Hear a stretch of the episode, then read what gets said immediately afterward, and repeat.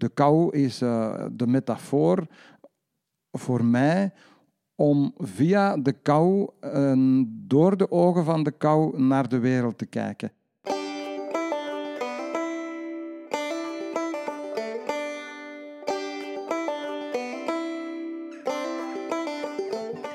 Hallo iedereen en welkom bij een nieuwe aflevering van Feed Feed. Je hoorde Achille Kools, auteur, schilder, beeldend kunstenaar, dichter, maar vooral ook vogelkijker. En al dat gekijk en bewonder geeft hij gestalte in zijn werk. Kent u Superman? Of, ik zal het uh, op zijn volk zeggen, Batman? Wel, dan laat ik u nu kennismaken met Koude Man. Yeah, want zo noemen sommige mensen hem ook wel eens. Zijn boeken, De Koude Tuin of Kouwen in de Spiegel, vertellen het fascinerende verhaal dat hij achter de rug heeft met deze buitengewone prachtige vogelsoort. Na een lange rit leidde de GPS me ergens naar de Kempense hei op een doodlopend bospad. En de resterende 500 meter was ik genoodzaakt de voet af te leggen. Het huis van Achille en Brenin, zijn vrouw, is niet zichtbaar vanaf het pad. Maar eenmaal in de tuin gearriveerd, zie je de stempel van Achille onmiskenbaar. Dicht struikgewas, een grote vijver, een paar beelden in de tuin. En daarachter zit hij dan, breed glimlachend en zwaait vanuit zijn keuken, die uitkijkt op die pracht. Ik zou zeggen, geniet, lieve mensen. Geniet van een stukje slow radio. En een toeval speelde mee, omdat mijn dochter een koudje kreeg dat onder een kerktoren gevonden was en dat we met veel zorg en hulp hebben opgevoed. En dan kregen we een vogel met een imprint. Een vogel die zich mens waant, die de mens beschouwt als soortgenoot en in zijn later leven ook zijn sociale neigingen en seksuele interesse op zou richten. Met, dat, met die vogel zijn wij begonnen. En natuurlijk, um, dat was ook makkelijk voor mij, terwijl ik uh, op mijn atelier zat, zo'n kolonie kauwen oprichten die omheen het huis vrij rondvliegen. Dat was nu het ideaal om zo'n soort te bestuderen. En daar is het gewoon begonnen. Dat toeval speelde mee. Bewust was er over nagedacht um, om dat die vogel rond het huis te houden was, in vrijheid, als wilde vogel. Maar het zijn veel tammen uit, uit opvangcentra die we dan bij elkaar brachten. En zo heb ik jarenlang een kolonie tamme kauwen gehad rond mijn huis. Ik heb daar een toren voor gebouwd bovenop het huis. En ik heb door die jaren zoveel te weten gekomen over de kou, maar vooral ook over mezelf, over de anderen en over de wereld in het algemeen. Dus door naar kouwen te kijken, kunnen we inzichten verkrijgen over onszelf. Het is via de achterdeur binnengaand, via de dierlijke kant aan ons, kunnen we nog zoveel ontdekken. En dan heb ik die kou opgenomen als een, een deel van mijn kunst. Ik zie die kou als een metafoor. Eigenlijk is die kou mijn kunstwerk. Alleen ben ik iemand die dat ethisch niet zou kunnen om die kou in een kooi te zetten. Want anders zou ik die gewoon in een kooi op een tentoonstelling zetten en zeggen, dit is mijn kunstwerk. Maar dat vind ik ethisch niet verantwoord. Ik heb al veel prachtige uh, schilderijen gezien en ik kijk nu uh, naar eentje hier. Um, dit zijn kouwen die jij kent. Ja, die, die vrouw ken ik ook ondertussen, maar ik bedoel, die, diegenen die die flankeren, zijn dat bekende kouwen voor u? Ja, ja, ja ik heb uh, in mijn boek uh, Kouwen in de Spiegel en ook in de Kouwentuin, ik heb er een paar boeken over geschreven, heb ik portretten opgevoerd. Dus dat betekent dat ik um, individuen met vaak sterke persoonlijkheden ben gaan beschrijven. Echt een heel portret beschrijven. Die hadden een naam, en uh, die hadden een steekkaart. In der tijd was er nog een steekkaart, dat is voor de computers. Ik kende die kouwen. En dat dat gebeurt in andere studies ook, dat men een individu gaat herkennen met een kleuring of met een kenmerk. Maar ik was altijd aanwezig in mijn studieterrein. Ik was er van s morgens tot s avonds, dag in dag uit. Ik stond erop en ik ging er slapen. Ik kende die kouwen, maar ik kende soms ook de ouders van de kou. Ik kende soms de oom van die kou, zodat je nog meer inzichten kreeg in ehm, de manier van doen. En dan zag je soms ehm, eh, dat er eigenschappen van de vader te vinden waren bij de zoon. En dat vind je in, niet in alle studies, want bij, er eh, zijn weinige studies die zo, ver, gaan in de vrije natuur. Wel in volières natuurlijk, daar kan dat ook. Maar in volières krijg je een, een ander beeld, omdat ik soms hoor dat kou in gevangenschap toch wat, en dan bedoel ik echt in een kooi, hè, als die in een gevangenschap zitten, dat die zich ook anders gaan gedragen, dat die soms ook ja, een beetje verlangen naar die vrijheid. Ik hoorde dat van Inge Buntings van Vogelbescherming, die zegt van soms rare gedragingen in die zin dat ze soms rollen over de vloer, dat ze soms onverwacht pluimen verliezen. Um, maar wat, dat, dat ik mij nu afvroeg is, ja, jij ringde die vogels of niet? Hoe kan je die dan toch uit elkaar houden? Ja, niet aan de ring. Niet aan, eh, ze hadden een, gewoon allemaal dezelfde ring aan. Dat was een ring met mijn adres op. Dus de, daar kon ik ze niet aan elkaar kennen. Maar na een tijdje ga je die vogels leren kennen. In het begin zijn die allemaal zwart. Um, ik zou zeggen, toen ik kind was, waren de negers voor mij ook allemaal hetzelfde. Ik zag ook geen verschil, maar als je goed kijkt, zie je daar ook verschillen in. Een, een, een, een, groep soldaten, die hebben ook allemaal hetzelfde kostuum aan en de officier kent die ook allemaal uit elkaar. Als je de hele dag omringd bent met die vogels, dan ga je, die, um, dan ga je eigenschappen zien. Zelfs bij sommigen kende ik, dus, kende ik aan hun stem sommigen kon ik achter mij, als die achter mij zaten, weten wie het was. En eigenlijk is dat allemaal niet zo moeilijk. Want jij kent jouw huisgenoten zelfs aan de manier waarop ze binnenkomen. De manier waarop ze stappen en waarop, waarop ze de deur open doen. Omdat je daar de hele dag tussen zit, word je vertrouwd met die vogels en met je, met je, met je huisgenoten, want dat waren ze ook. Ze leefden vrij buiten om de, de toren. Eh, van ons huis, eh, omheen, het, omheen het huis. Ik had daar heel veel uh, nestorentjes. Gewoon, je gaat verschillen zien. En er zijn duidelijk verschillen. De ene is wat wat, wat, wat, de ene heeft meer lef, de ander is wat verlegen. Er zijn dikke en dunne, de verschillen zijn weinig. De ene heeft een, een vinken pas, de andere een, een. Je ziet, je ziet aan de manier van lopen, je ziet aan de manier van gedragen. Ze zijn meestal met twee, want ze zijn heel strikt monogaam. En als je een van de twee dan al herkent, dan weet je al meteen welk zijn partner is. Dat maakt het nog eens gemakkelijker.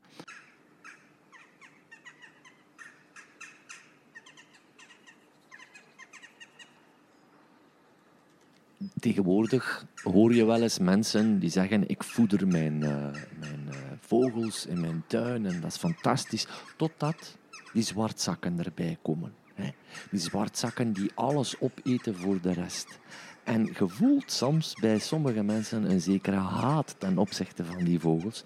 Terwijl gisteren zaten er bijvoorbeeld, ik heb ze geteld, 22 kauwen in mijn tuin. Uh, ik merk dan dat ze een tijdje blijven en dan dat ze dan weer weg zijn. En ik strooi op verschillende plaatsen. Maar ik, ik heb die liefde voor die kou. Maar kan jij nog eens eventjes duiden waarom dat mensen eigenlijk niet bang moeten zijn? Of, of wat er zo bijzonder is aan die kou? Ik begrijp die mensen enigszins dat, uh, dat ze die kou niet graag hebben. Want als de kouwen komen, is het voedsel meteen op. Hè? Uh, wil je kouwen in de tuin, dan moet je heel veel voederen. Ik, ik voeder hier nu op deze plaats, waar geen kouwen zitten, want het kouwenhuis ligt ergens anders. Ik voeder hier heel veel. Moesten hier kouwen aankomen, ja, alles zou meteen op zijn. Dus ja, dat, in Extremadura halen wij zakken brood voor de blauwe exers. En die, die hebben die zak ook meteen, meteen op. Hè. Dat zijn, die komen ook met honderd tegelijk. Maar een kou is natuurlijk bijzonder als je die kouwen hebt. Um, uh, voor mij zijn het de soevereintjes van het vogelrijk. Uh, een, een, kou, ja, dat is, dat is, dat, dit is de vogel, de, de raaf is nog interessanter natuurlijk. Zo'n, die intelligentie, die, die rangorde, die, die, die, die, die, die strikte monogamie, dat prachtige liefdesleven. Als je die leert kennen op die manier, ja, dan uh, ga je die met heel andere ogen bekijken. Er is geen enkele vogel die, die ik zou verwensen. Uh, die, je, moet, je moet eigenlijk blij zijn dat, dat die in de tuin komen. Anderzijds, ja, het is direct op. Hè. Dat, dat denk ik dat de reden is dat de mensen die verwensen. Maar ehm, eh, ik, zou, ik zou kunnen zeggen, laat ze mijn boeken lezen en ze zullen, en ze zullen de kouwen heel erg waarderen. Kom, ja, dan kan ik jullie tellen. Ja, kom maar, ze. Oh, oh, 1, 2, 3, 4, 5, 6, 7. Oh, ik ben mijn kou kwijt. En dan, ja, daar juist vertelde ik er al over. U hebt dan ook dat boek geschreven over de goudvink. En ik vond het dan ook eigenlijk nog een, een, een stukje rijker in die zin dat je er nog andere vinken bij haalt. Hè. Je hebt het op een gegeven moment over de putter, over de distelvink. Ja, die goudvink, dat blijft toch een magnifieke vogel. En ik neem aan dat je begonnen bent met het boek over de goudvink omdat ze hier zitten en dus een beetje gelijkaardig die studie bent aangevat, zoals bij die kouwen? Ja, de goudvinken. Dat, hè, we zaten hier boven te schilderen ehm, op mijn atelier en de hele dag met één oog gericht op die goudvinken op de voerplek. Ik had daar toch, en ik ging af en toe ook wel aan de tuinbank zitten met de verrekijker om de goudvink te observeren. Ik had daar al heel wat tijd aan besteed, al die goudvinken, om die te bekijken. En die begon er al wat inzichten te krijgen en ze broeden hier in de tuin. Ik zag ze nestelen van het eerste takje. Um, dat gebeurt niet vaak, hè, dat je een vogel ontdekt die met het eerste takje de heg invliegt. En dan uh, ga je zien en dan volg je dat hele opbouwen. Ik heb heel die cyclus kunnen volgen. Heb je ze ooit verwerkt in een schilderij? Ik heb er, ik heb er wel eens tekeningen van gemaakt. Maar hetzelfde met die bijeneters die nu in, in Extremadura zitten. En de, de paradijsvogels van uh, vorige maand, die we dus um, uh, zoveel gezien hebben in Papua Nieuw-Guinea. ga ik niet beginnen aan die kleurrijke vogels.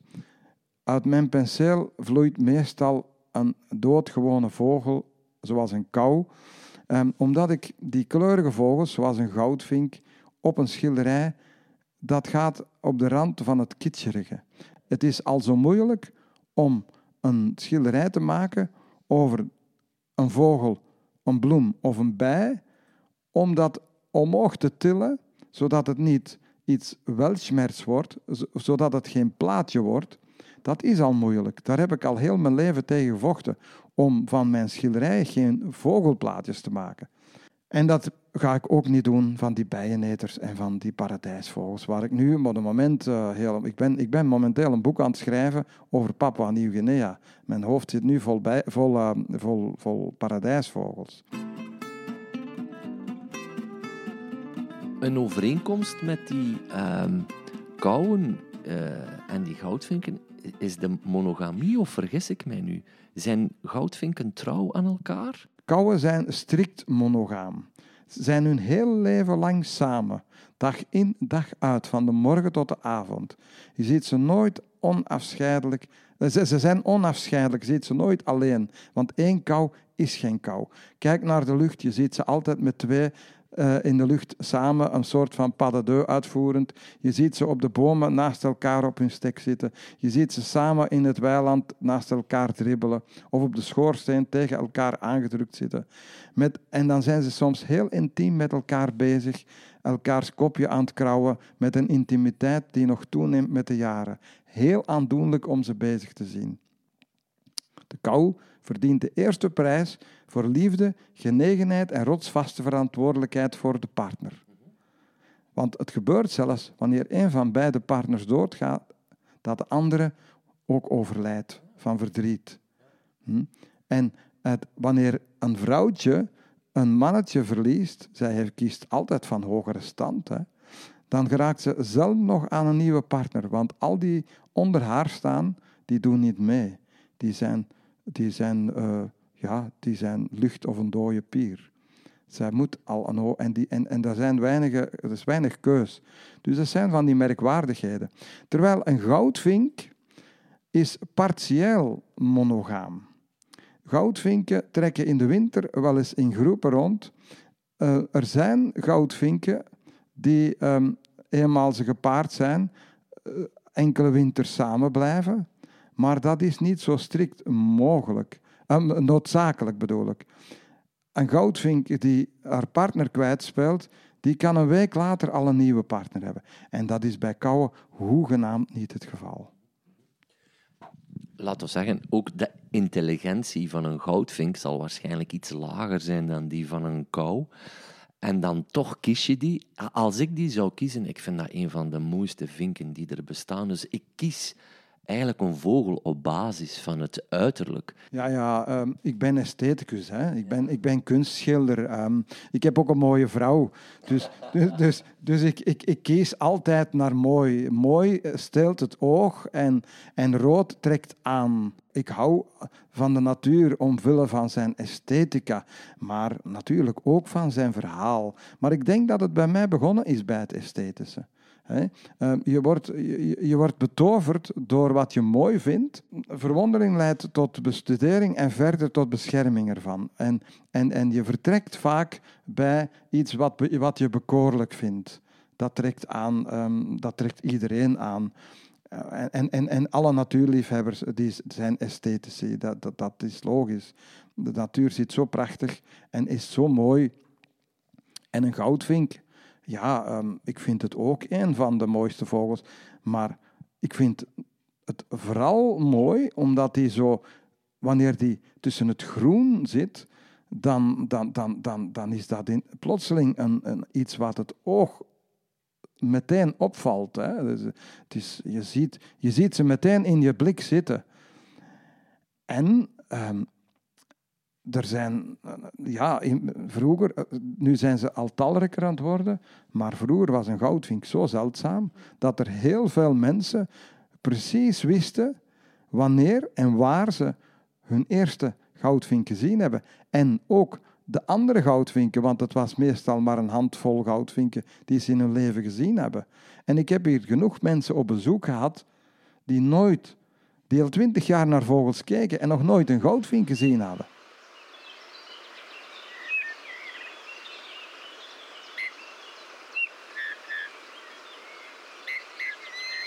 Ik moet zeggen, ja, ik geef het toe, want ik weet het ook heel goed wanneer dat ik mijn eerste heb gezien. Dat was in Duitsland. En ehm, ik, uh, ik overnachtte daar omdat ik op doorreis was naar uh, Denemarken. En uh, ik ging toch eens naar buiten gaan kijken. En ehm, ja, alles zat daar, van, van kuifmeesjes tot goudhaantjes. En ik keek even opzij, keek terug in het bos en daar zaten twee vrouwtjes en een mannetje op een tak. Mijn mond viel open van verbazing, dat was gewoon fantastisch.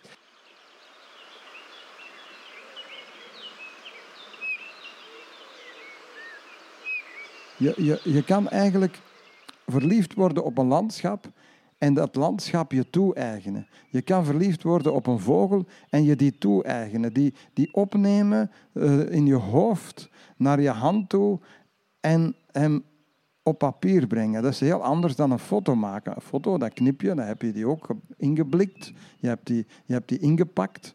Maar wij nemen die door en je bent daar die, al die minuten en die uren ben je dan bezig met het stelen van iets moois dat je dan door jezelf in je lijf brengt, in je hoofd.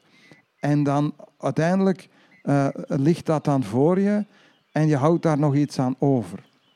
Hetzelfde eigenlijk in woorden, iets in woorden vangen, in een gedicht of in een tekst. Ik ben nu bezig aan een boek over die reis van Papua. We hebben die reis achter de rug, zwaar, vermoeiend. Maar nu pas, nu ik er een boek aan het schrijven ben, nu geniet ik er pas van. Nu ben ik met heel mijn gedachten die reis, in die reis nog, ik zit daar nog helemaal in. En, en nu is die, die reis dubbel zo mooi dan wanneer je kinder bent. Omdat je die omzet, je, je, je, je, je, je beleeft ze nog, je gaat er nog meer over en dieper, te, dieper ingaan. Want kinder, gaat dat heel vluchtig. Hè? Je ziet een paradijsvogel, maar als je daar dan over schrijft, ja, dan ga je daar veel dieper in in. En dan ga je daar bij, bedenkingen bij maken, filosofische bedenkingen. En, en, en denken, ja, dat was zo. En de waarom-vraag erbij stellen. En dan daar zelf een antwoord op proberen te vinden. En dan zit je weer bezig met de wereld.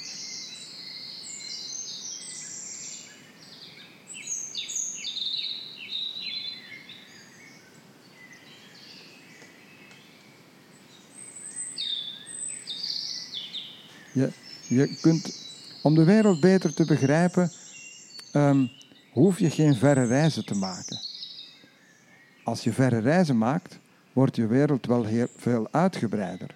Maar ik heb de belangrijkste ontdekkingen over de wereld gedaan in mijn eigen tuin, soms op één vierkante meter.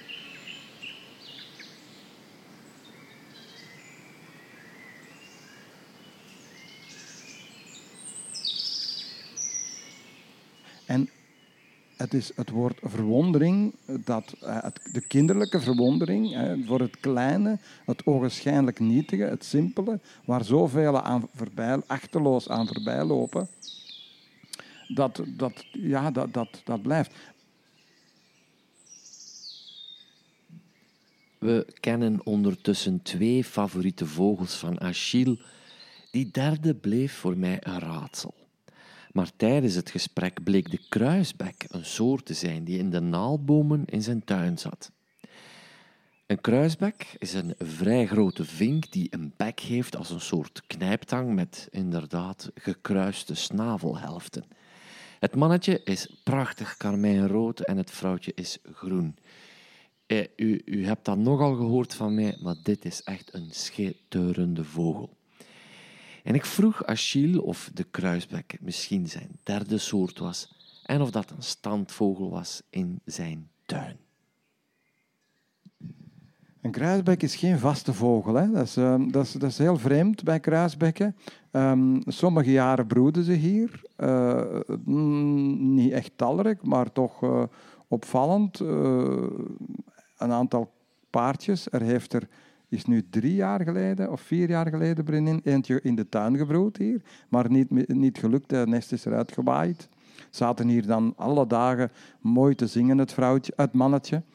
Maar uh, het is heel wisselend. Hè? We hebben invasiejaren, echte invasiejaren. We hebben jaren dat er, dat er zijn, maar zijn, er zijn ook jaren dat er geen zijn. En zijn jaren dat er geen broeden en jaren dat er wel broeden.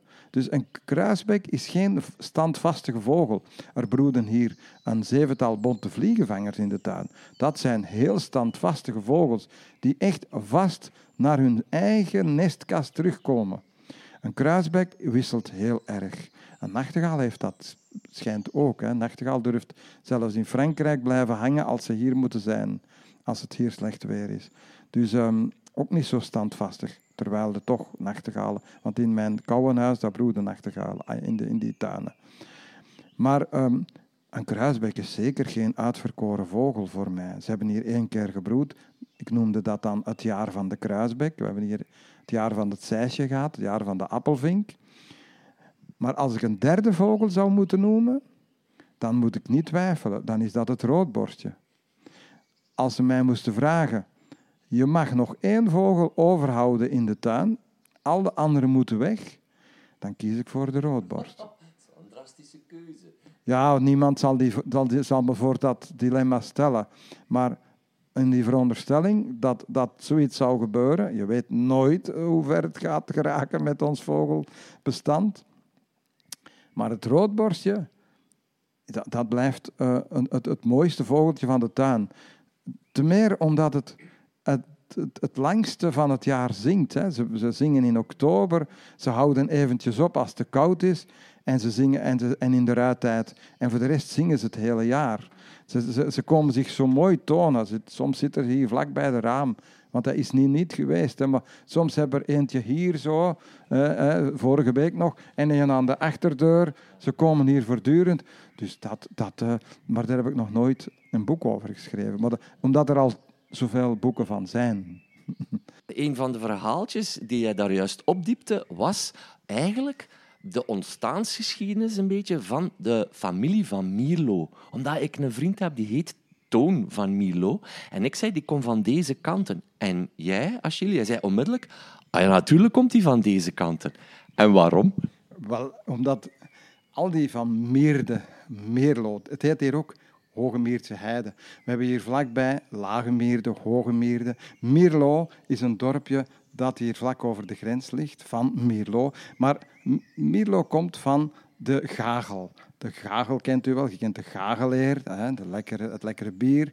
Um, gagel, een plant die um, in de heidegebieden, op vochtige plaatsen, uh, hier heel algemeen is, in alle heidegebieden rond de Venne, heeft vruchtjes en die heten gruten. Dat zijn de gruten of de gruiten. Werd vroeger gebruikt om te kruiden en ook om in bierrecepten uh, om bier te kruiden.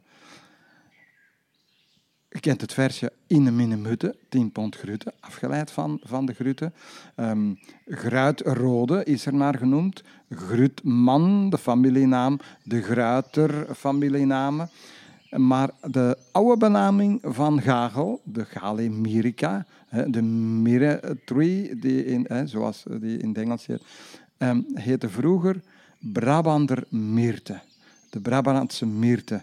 En vandaar zijn die toponiemen en familienamen afgeleid, zoals van Miert, Karel van Miert, een gekende politieker. Um, heel wat, uh, dus in deze streek komen veel mensen voor met de naam uh, van Mirlo, van Miert, Miertse. dat is typisch van, van deze regio. Ah, dat zijn eigenlijk verhalen die je veel te weinig hoort, vind ik. Ik heb onlangs nog gezocht naar een boek in verband met toponiemen. Ik heb iets van de jaren 60 gevonden. Zijn er recentere werken, denk je, die het hebben over de ontstaansgeschiedenis van zulke namen die verbonden zijn met uiteindelijk ja, heel wat van onze geschiedenis? Naar dat boek ben ik zelf ook op zoek. Ik, uh, ik, heb, uh, ik weet dat het moet bestaan. Ik heb ooit met een, een Nederlandse uh, professor gesproken en die wist daar veel over. Maar het was een heel kort gesprek. Ik ben, ik uiteindelijk, uiteindelijk niks mee verder geraakt. maar um, dat, dat, boek moet bestaan. Maar heel veel toponiemen, ja, dat, dat, dat moeten we. Ik, ik, ik, zoek daar ook al lang naar, naar een bepaald boek, maar het, het, is, er, het is er zeker. Hè, maar, maar jij moet het dus eigenlijk schrijven, je... Ja, uh, dat, ik ken er wel wat. Hè. Een loo is een bos en, en, en, en, en, en, en het broek en het laar en zo. We, we weten wel veel verklaringen van, van die. In, in, in de provincie Antwerpen zijn die soms ook iets anders dan in, in, in West-Vlaanderen.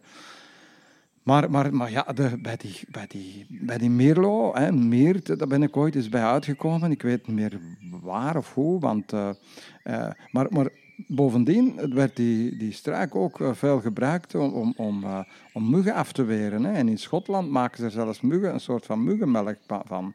van en, en de katjes worden ook gebruikt in, in, in droogboketten enzovoort. De gagel heeft altijd zijn waarde gehad, de gouden gagel. Hè. Uh, het gouden uh, Brabanter Mirte.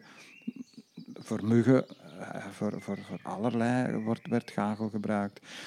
Ook uh, snaps, uh, de post, ook nog een oude benaming is post. Posten, posten en postel. En de naam postel, hier bij Mol, ook afgeleid van gagel.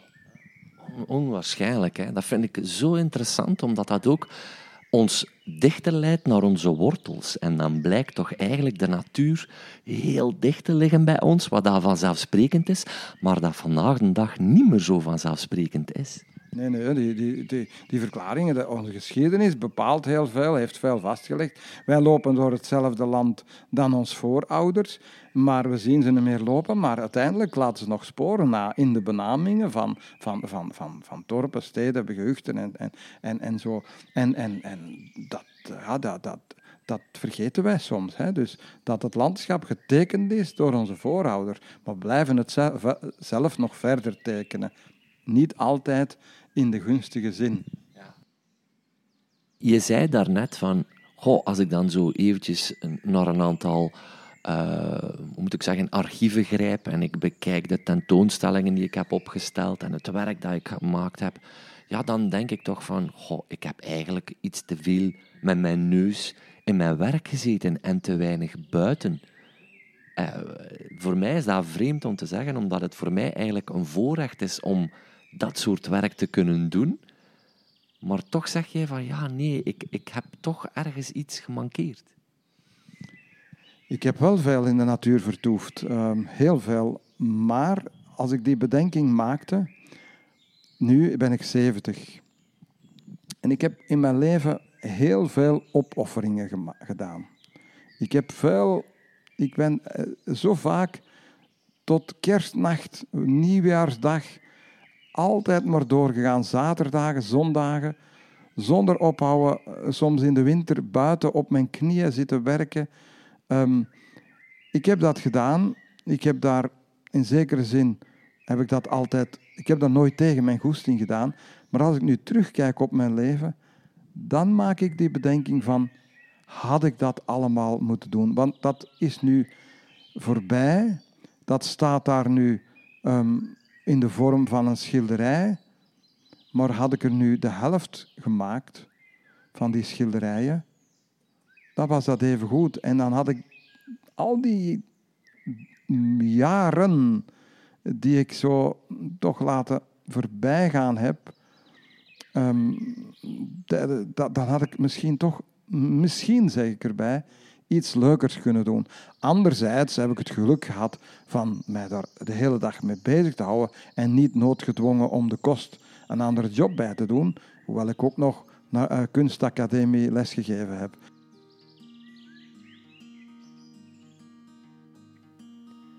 Dit was Feed Feed.